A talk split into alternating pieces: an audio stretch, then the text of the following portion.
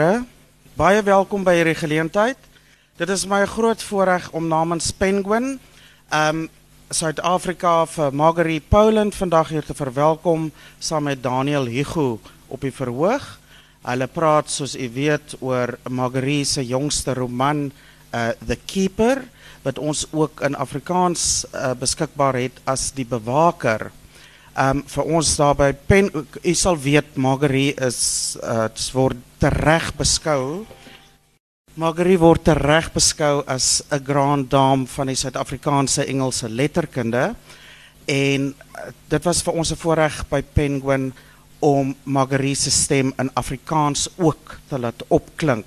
Dit is iets wat ons voel gedoen moet word en Marguerite is 'n fantastiese uh poëtiese skrywer, prosa skrywer en wie anders as Afrikaanse topvertaler Daniel Hugo om met 'n sensitiewe teks soos hierdie om te gaan. Ek dink u sal met my saamstem dat die bewaker een van die mooiste tekste is in Afrikaans ook.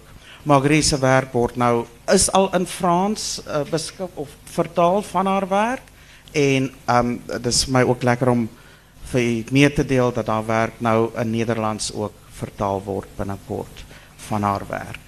Baie welkom. Sy sal graag vir u boeke teken daar in die boekverkooptent hier aan die ander kant as uh, na afloop van hierdie gesprek. Geniet dit. Dankie.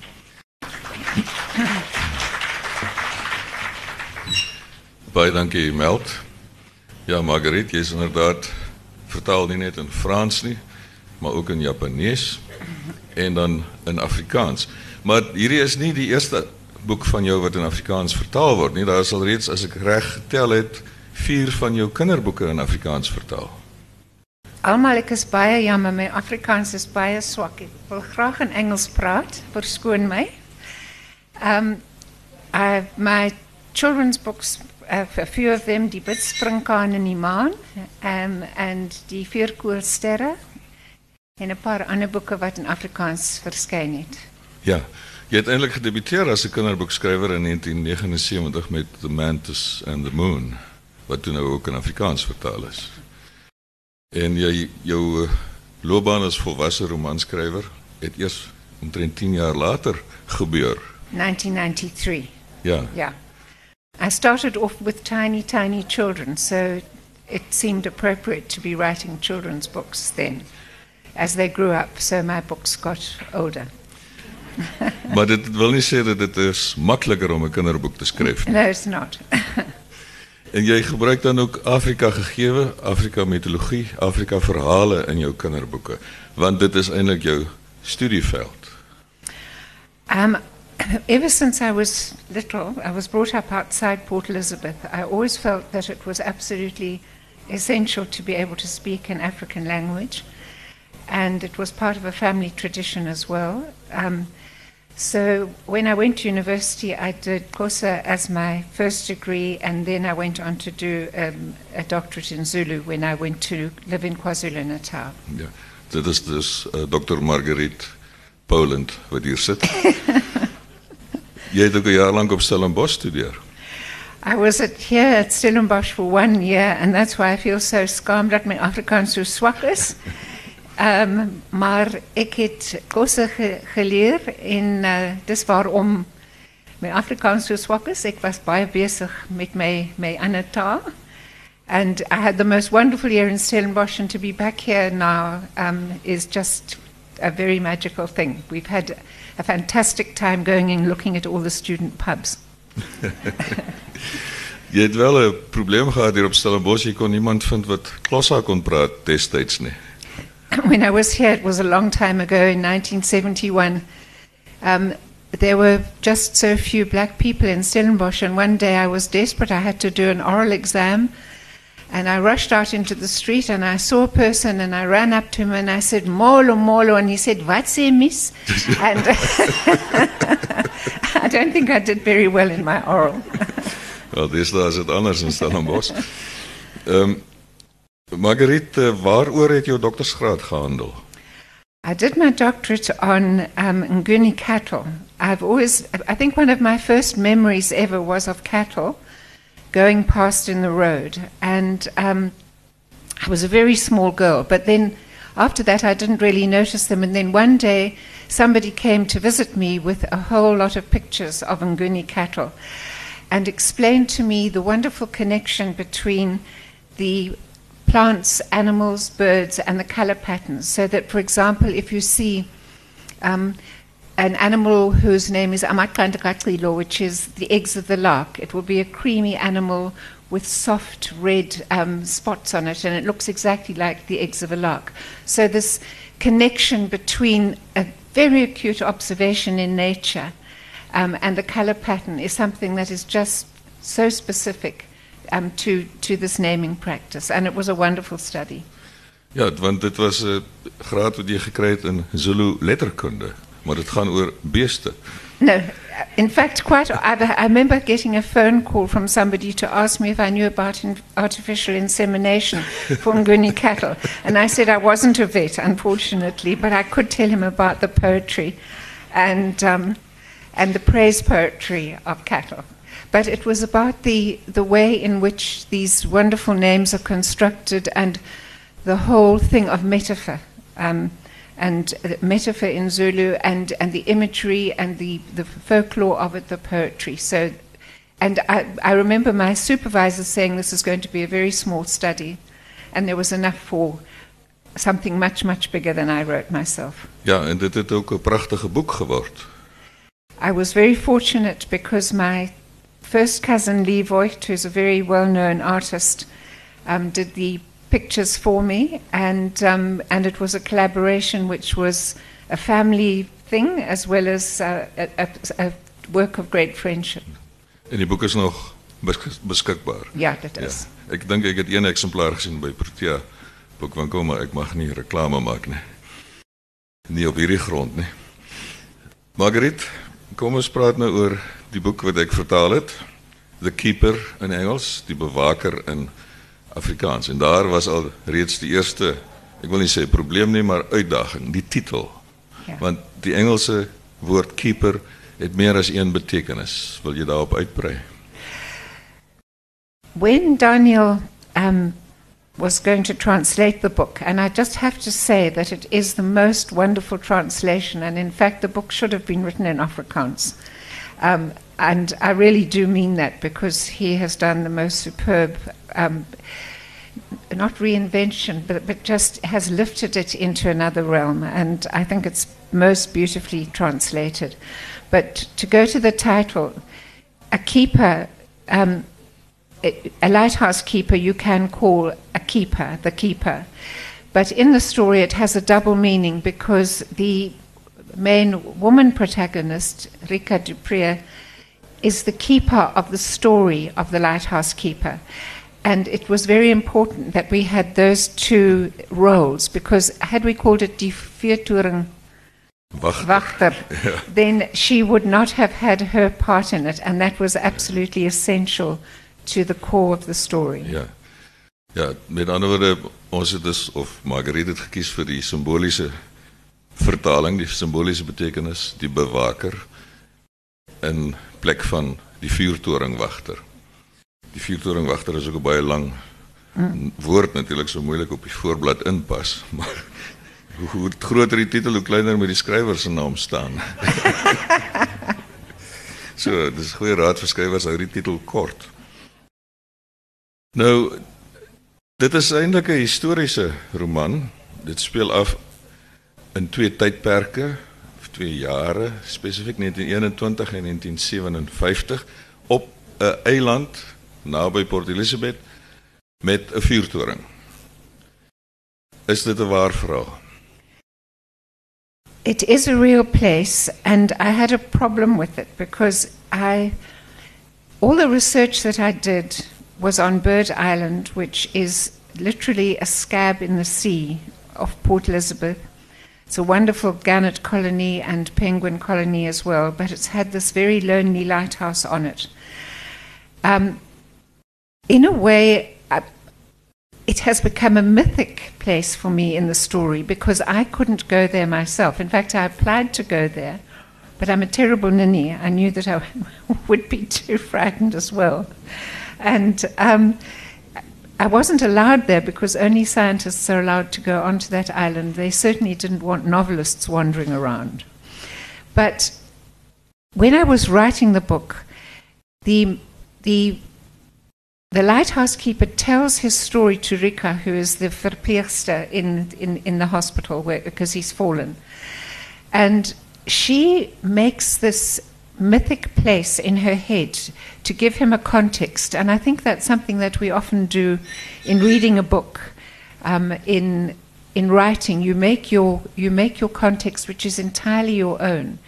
And so this, this island, although it is based on Bird Island in many ways and much of the history of it, and I did a great deal of research on it, is also parts of other places that I've seen, other lighthouses that I've been in, um, because it had to be something that I had experienced in a sense myself. So it's a composite. Ja, en jy het baie goeie kennis van vuurtorings en die werking van vuurtorings. Well, I felt that if you're going to write about something, you've got to do your research really carefully. I'm waiting for someone to tell me I made a mistake. But um, it was a most fascinating study. There aren't a lot of books written about South African lighthouses, but there are one or two really magnificent ones. And I think the what for me was one of the most um, wonderful moments, serendipitous moments, if you like, is that I went into the library at Rhodes in Grahamstown and I said to the librarian, Have you got anything on Bird Island? And she said, I've got a file somewhere and it's not catalogued. And she found it. And in this file, the district surgeon who had dealt with people on the island for many, many years had written anecdotes, collected cuttings, written notes about the people on the island. And without that resource, I could never have ever invented this story because of the, um, the, the, kind of uh, uh, problems that this doctor dealt with, yeah. which is what the story really goes, yeah. you know, what it's about. Ja, die eiland is nou onbewoond, dit natuurgebied, maar is dit twee. What I found so fascinating, this little island is no bigger than two rugby fields. That's how small it is, and it's hardly got any features on it at all. I mean, there may be some of you who have been there or who know it. But what I found that in the 20s and the 30s and the 40s and the 50s, when it was inhabited, there were the lighthouse keepers who worked for one department. There were the guano workers who worked for the fisheries. Um, and they did not mix with each other, and yet they were so dependent um, in a crisis on, the, on, on, on help and on each other, but there was not any mixing between them. And the thing that shocked me most of all was that the lighthouse keepers were changed especially in later days, every two or three years, because the isolation was so enormous that it obviously had a psychological effect, especially on wives and children. There was a guano worker who had been on that island for 38 years without anybody ever wondering about what was happening in his head and whether he needed to be transferred. And to me, just it was somehow South Africa in microcosm. It was looking at two communities and how does one deal with that extraordinary isolation um, and also dependence, codependence, which has to be there when there's a, when there's a problem. Daar's 'n karakter in die boek, een van die guano werkers, Misklip. Is hy die man wat 38 jaar op die eiland was? Hij was 38 jaar bij die eiland. Vandaar zijn naam Misklip. Want hij moest I don't know where that name came from. It just came into my head. But Wat jij het opgemaakt? Ja, ik heb het opgemaakt. Um, zijn naam is eindelijk Dudley Koester. The thing about that was, and I think it's something that is um, so much part of our history as well, is that we give people names, soma, without giving them their weight, without giving them their reality. Um, and especially in the old days, one would, would give people the most extraordinary names, which um, were denigrating as well. And Misklip never told anybody what his name was until finally there was somebody who recognized him. And then he was Dudley Kuster, um, but also Misklip, because yeah. that is what he had become. Yeah. Nou moet ons dan seker iets oor die karakter sê. Dit gaan oor twee geslagte, 'n vader en 'n seun wat albei vuurtoringwagters op die eiland was en dan veral oor hulle vroue en die eensaamheid wat hulle daar moes verduur. Well, when I was reading the notes, which, um, which I found in this file, um, rather, I suppose now we would call it depression, but the doctor wrote about women suffering always from melancholy. And one could understand how that would happen. When I read um, a lot of the, the research, these gannets just shrieked endlessly. One had this endless shrieking of these birds that you couldn't get away from. You couldn't really cultivate anything. There was nobody to talk to. Um, men were obsessed with the light, with the duties that they had to perform there. And what I came across in the research was that, in fact, it was one of the, uh, the lighthouse keepers himself made a little model of the lighthouse out of shells.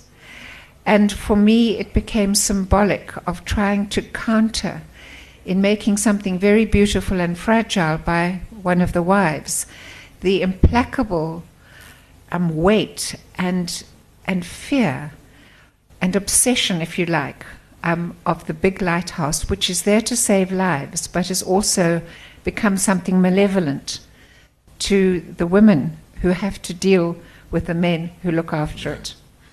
So mens kon sê dat die groot vuurtoring van klip verteenwoordig die manlike in die verhaal en hierdie klein miniatuur skulp vuurtoring die vroulike. In a way, it was, and I think we, and because I'm writing about 1921 and 1957 as well, um, people's roles were very circumscribed in that um, in that time. Um, also, the the internal silence that happens in a situation like that. Um, just on a, uh, on a side note, what also fascinated me was that the only way in the 1920s to send a message off the island was with a carrier pigeon. Now, you're desperate to make contact with somebody, you're desperate to speak to somebody. Um, so you write a message and you send it out into the world, and you don't know if it will ever get there because they were blown off course, they were taken by um, birds of prey, they never made it to the land at all. And your words go off there, you're just talking to God somewhere because um, there's no one you can contact, not easily. Ja, die hoofkarakter in die verhaal is dan die seun Hannes Harker wat moet skool toe gaan. Hy word groot op die eiland, maar dan moet hy skool toe gaan na Port Elizabeth. En dit veroorsaak eintlik 'n groot trauma in sy lewe want daar gebeur ook iets op die eiland terwyl hy weg is by die skool. Ek mag as dit verklap. What I found, uh, where that came from, was that, um, in fact, I have to tell you how I came to write this story. When I was 14 at school in Port Elizabeth, we were asked to do an oral in our English class, and you could talk about anything you wanted to. And one of the girls in the class was the daughter of the lighthouse keeper on Bird Island. And she stood up and she spoke for about five minutes about what it was like to live there, and the fact that when you went to school, when the holidays came, if the ship couldn't, if the tug couldn't get back because of the weather, you had to go back to shore and you never got home for the holidays. So there was always this anxiety of not getting home, of not seeing your parents, and the anxiety of mothers. Can you imagine being cut off from children without any way of communicating except with a carrier pigeon? Um, what sort of what sort of trauma would that cause? And um, a, s- a sense of separation. So the the the harshness of the life was, and the isolation of that was what what got to me. Ja. Nou Thomas, ja, Thomas, ek kom nou kom met Thomas Hannes, Hannes Haker is 'n man wat uh, nie kan wat nie praat nie. Hy kommunikeer baie moeilik ook met sy vrou. En op die ou end vertel hy sy verhaal dan aan die verpleegster want hy beland in die hospitaal nadat hy geval het daar op die eiland in die vuurtoring geval het. So die verpleegster Rika Depree word dan die bewaker van sy verhaal. Sy is dan eintlik die skrywer, jou alter ego. I wanted to explore something, and it's to do with being a writer. You become immersed in your characters, you become immersed in a world and a place. And you have to speak to those people. They become more alive to you than the people around you. I could not find Hannes Harker anywhere because I didn't know a lighthouse keeper. Everything that I've ever written has been something that is fairly closely connected with my own experience, and I've always believed that was really important. You must write out of what you know and what you understand. But every now and again, one can have a meeting with somebody or a moment where, which I call a beacon moment, where something happens which doesn't have to have a past or a future or anything like that, but you make a connection of complete understanding with somebody's thoughts and where they are in the world. And that becomes not part of your life or the plot of your life, but it becomes something of the inspiration that makes it possible to carry on with your story. And um, in this story, each of my characters, in a sense, has been just one of those beacon moments that, in a way, made me know that it was all right, that I could carry on. And can I tell you one synchronous thing that happened? I was about to go and launch this book.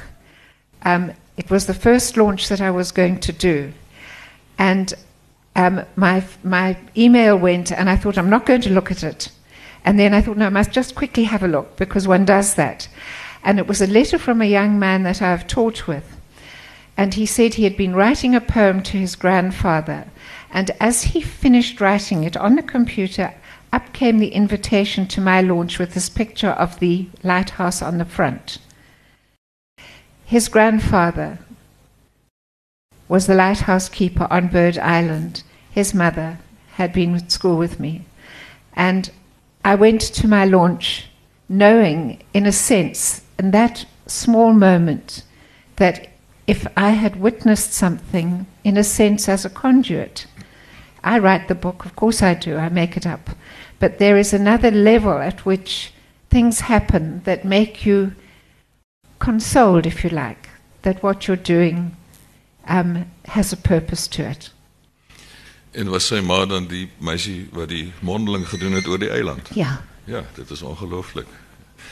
Maar in 'n sekere sin is jy ook 'n bewaker want jy teken hier 'n stuk geskiedenis op wat eintlik heeltemal verdwyn het.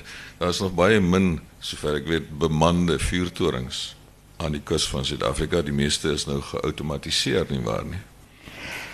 Most of them are automated now, and that was the thing. I mean, what I found in reading um, the research and going into the lives of the different lighthouse keepers was their real love for their light, as a captain has for his ship or a train driver for his train. I have this thing about beautiful machinery, and I think there is that deep connection. They have a sort of a soul to them. And when the light becomes automated, it just becomes, um, it no longer has a it no longer has a heart. Um, and I think that that whole connection, if you like, between men and those machines, that whole way of life is something that has now fallen away and apparently is much mourned by those who, who love their lighthouses. Margaret, jy is bekend vir jou poëtiese styl en vir die wonderlike manier waarop jy 'n landskap kan beskryf. En jy het my vertel dit is soos wat jy meestal jou boeke ook begin met 'n beskrywing van die milieu. En ek wil hê ons moet 'n passasie voorlees eers jy in Engels en ek dan in Afrikaans en toevallig het ek vanoggend nou uitgevind die passasie wat ek gekies het is die een waarmee jy begin het, maar jou redakteur het gesê nee, dit mag nie aan die begin van die boek staan nie, dit moet verder aankom want jy kan nie jy verveel die leser as jy met 'n landskapsbeskrywing begin. I would have bored everybody because whenever I write a book, um, it's absolutely essential to set it in its landscape. And I can write pages and pages and pages and pages and pages of landscape, and then, of course, kill your darlings. And the editor says, Art, you've got to start with. In fact, my husband usually says, You've got to start with a conversation. Um, so that you set that, that immediate tone of perhaps excitement. But Daniel this morning chose a passage to read, um, and it is, it is the passage that I wrote um, first when, when I started writing this book. And I also have to say to you, that this is quite a small book, but I wrote 17 chapters of it, and then I literally pressed the delete button and started again.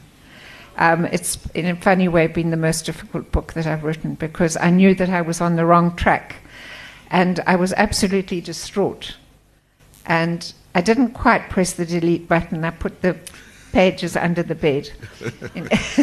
but I had to start again, chapter one, once upon a time. The island lies five miles offshore, southwest from the densely wooded cape, but 31 miles from port. Between it and the mainland is a channel, taupe green, cobalt blue. Sometimes that blue is all of the sky and sea, indivisible, and sometimes the heat bounces off the island rocks, an aura of fire, and the waves glitter as if scattered with mica chips. Sometimes the air is a tumult of gannets, a rising tide of wing beats, and sometimes it is so still that the piping of a land bird blown off course can be heard above the breathing of the sea. But when the southeaster blows, the wind whips the water to a salt grey bile. Even its fish must flee the turbulence, even the sharks. It is on those days that boats never venture near. Nothing comes except the wind, a great, baleful beast. Die eiland lê 5 myl van die kus af. suidwes van die digbeboste Kaap, maar 31 myl van die hawe af. Tussen die eiland en die vasteland is 'n vaarkanaal, grysgroen kobaltblou. Soms kan 'n mens nie onderskei tussen die blou van die lug en van die see nie. En soms weerkaats die hitte van die eilandrotse af, 'n aura van vuur. En die branders glinster asof hulle met mika vlokkies bestrooi is.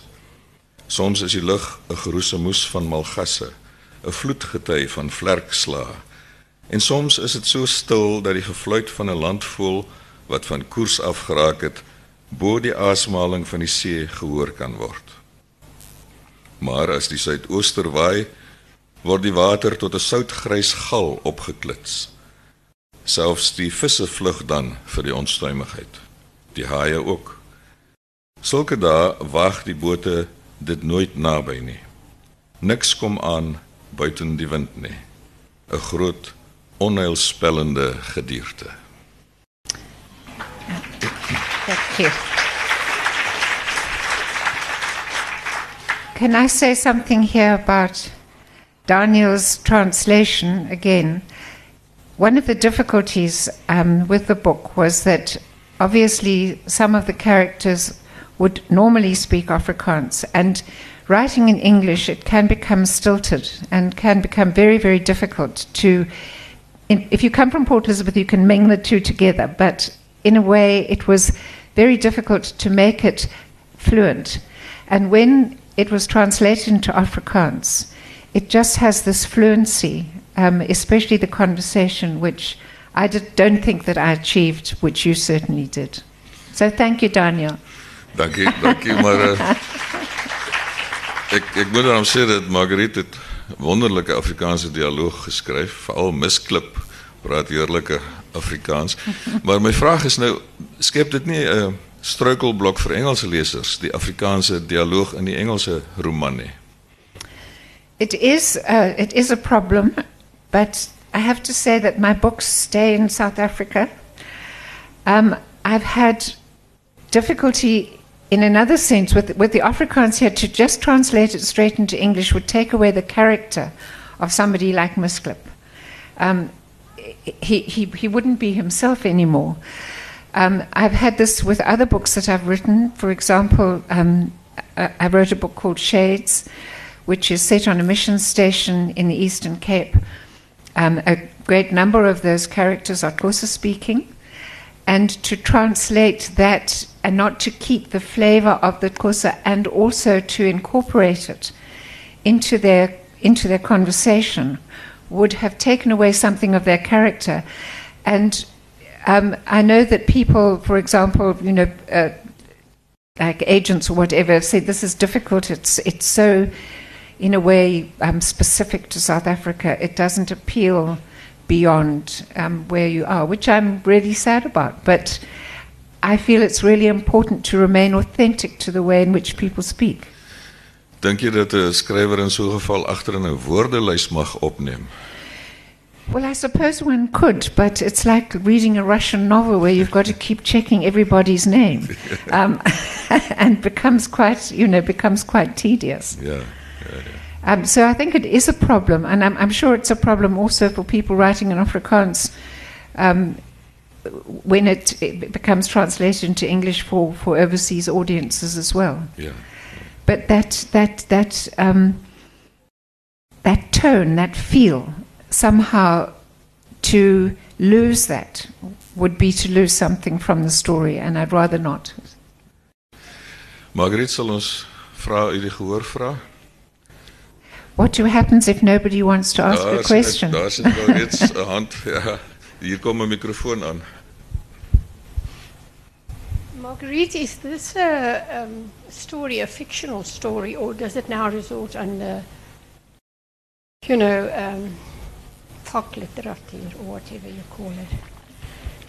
Um, Sorry, I, I is, didn't. this, is this now a story, a fictional story? Is it a fictional story? Is It that is a- what you set it out? as? Yes, it is a it, it is a fictional story completely. Um, it's a, a relationship between it's a conversation between the lighthouse keeper and the nurse who nurses him because there are a few rules that happen in a lighthouse. You must never fall. You must never leave the light. I mean that is sort of part of of, of the mythology of the lighthouse, if you like.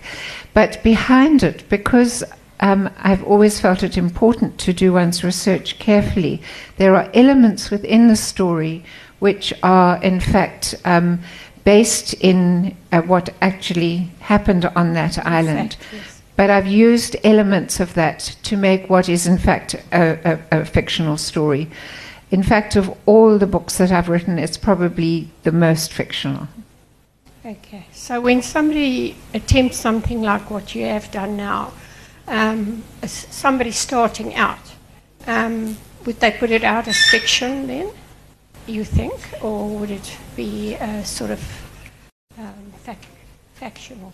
factual? Um, no, I think this is really fiction. This one. Um, my book Shades that I wrote, which is uh, which is based on a mission station in the Eastern Cape, is a great deal more faction than fiction. okay. But um, I think that's with any historical novel, particularly. Um, you know, a novel is a novel. You need to be able to give people conversation. You need to be able to get into their feelings. Um, otherwise, one must write. One must write history. That's right. And and I am a novelist, and so I have used those elements. But I hope very much that I have um, researched carefully enough not to offend the historians too much. Thanks a lot. Dankie. Nog vrae? Daar is 'n vraag, ja. Uh, I, I would like to know something about the translation process. Uh, was there um, cooperation between you, or did Daniel work on his own and just surprise you uh, at, at the end? Daniel astonished me. Daniel, you answer that one. Ehm um, ek kan nie onthou nie. Ek het 'n paar vrae gevra. Ja, Byvoorbeeld waar is die eiland? ja. Ehm um, wat het ek nog gevra? Daar was baie dinge wat jy gevra het. Um, a, a lot of them were to do with the conversation, um, where I used the wrong kind of words, and you very courteously pointed out my mistakes to me, um, and you were wonderfully courteous. Uh, also, colloquial things in Afrikaans, which uh, you translated so beautifully.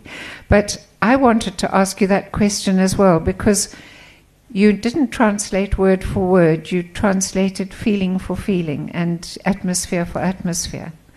Now, with a poem, that must be very much more difficult because you have to keep the rhythms and things like that. But how was it with this book? Did you curse me? Nee, nee, ek het kort daar omgedraai. kort voor vloek omgedraai. Nee, ehm die groot uh, uitdaging was dat eh Marguerite gebruik graag die die ing werkwoordsvorm, is dit die participle, die die lopende, singende, etende wat 'n mens in Afrikaans nie kan doen nie en dan reg hulle in in een sin. En in Afrikaans beteken dit dat die ritme van die sin gaan verander omdat jy dit nie so kan doen nie en dat jy dikwels 'n lang sin moet verdeel in korter sinne. So ritmies lees die boek anders. Dit is heeltemal waar. Maar ek het my bes probeer om die poëtiese beskrywings poëties te hou.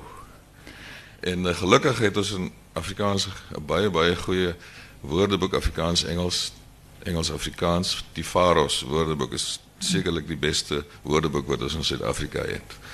En uh, het my geweldig gehelp. Well, I don't think that in at any point at all was I ever unhappy or not, as I said, astonished by the the, the beautiful way in which it was done. And it, it's the first time that I have worked with a translator so closely, and it's been just a huge privilege to work also with a poet of such stature as Daniel is. And in reading his book, Takelwerk, um, which I have recently read, in the bigger questions, the, the, the broader issues, the wonderful intimacy of that poetry, um, the sense of recognition that I have had, Daniel, in looking at your work, the small things that are important to you. Um, boom, I also had a tree that um, was my ship um, and and my place when I was small, and just in your poetry to be able to uh, share and to to recognize those things which have given me such enormous pleasure and meaning myself in my own writing has made me feel a wonderful connection with you as a translator as well because you love the same things. Baie Die ou dankie. peperboom en die uil en die toktokkie en die mol en die bomshelter en alles wat so vir my baie dierbaar is. Ja, maar baie dankie. Daar het ek nou onverdiende reklame gekry. Margriet, daardie vuurtorentjie wat daar neergesit is, beteken dit ons het nog 10 minute. So, daar's nog vrae tyd. Hiervoor is een. For those that haven't read it, as I said, the the um, the lighthouse keeper falls, and um, and is quite severely injured, and so has to be taken to hospital. Um, and we're talking about 1957, so people stayed for quite a long time. And the nurse in the story was somebody who recognized, again, it's a sense of recognition, um, recognized in this person something profoundly moving that moved her. Um, perhaps beyond what was professional, and yet I'm sure that this does happen. Um, in no way did I want to make this into a sensational kind of love affair because that would have been completely out of the spirit of the book. What I wanted to talk about was, as I said earlier, that sense that when one is caring for somebody, when one is deeply involved with somebody's well being or somebody's heart, um, there can be that spark of deep connection that does not in any way have to be perpetuated. It is simply there. And the older that I have got and the more that I have written and found characters or been involved with writing books is the sense that one is listening, that one is the keeper of so many stories um, that come to you and that are given in trust. And that is a really wonderful thing if it happens, um, and something to be honored and respected. And I think quite often for a nurse or for somebody in that position, that can and does happen. And when it does, um, it gives one a sense of meaning and vocation beyond um, the ordinary everyday task that one has to do. Uh, in the process of your research, did you um, uh, land on, we say, uh, Lawrence Green's chapters on on the lighthouse written quite a long while ago. I remember he called the one Cooper of the Lights. And when I heard you said the keeper, I thought about this Cooper person. And I remember he stressed that it had to be a very specific person, character, to be a keeper of the lights. You do have to be a very specific character to be a keeper of the lighthouse. Um, in the in the research that I did, uh, it seems that lighthouse keepers' sons become lighthouse keepers, and they marry lighthouse keepers' daughters. In a way, one has to be able to cope with that life and have done so from the time that one was small. And I remember reading a thing that if you um, uh, lighthouse keepers, children, uh, or people who had been at sea, uh, you know, naval people or people who had been at sea for many years who could cope with that being taken away from family connection, or people from very isolated farms. Um, and in my story, I speak a lot about, well, she's not lighthouse, which means um, she can't cope with that. You have to be able to take on the whole life, especially as a wife. Um, otherwise, the isolation becomes too great. Ja, dit was byna onvertaalbaar. She's not lighthouse. Ja, hoe vertaal jy dit? Sy is nie goed vir toering nie. Ek miskien het ons nog vraag, tyd vir een vraag. Ja. Hier is 'n vraag hier. Um, the nurse never resented not being asked her story. Am I right? The nurse never resented not being asked her story. No, she didn't. Um, which is an odd thing to do because then, in a funny way, it would have made the relationship quite different. And I think, again, as a writer, and this is talking about the process of writing as well, I become deeply, deeply involved with the lives of the characters that I write about, but they never ask me about me. and they don't know anything about me. And in a funny way, um, Rika in the story is is symbolic of.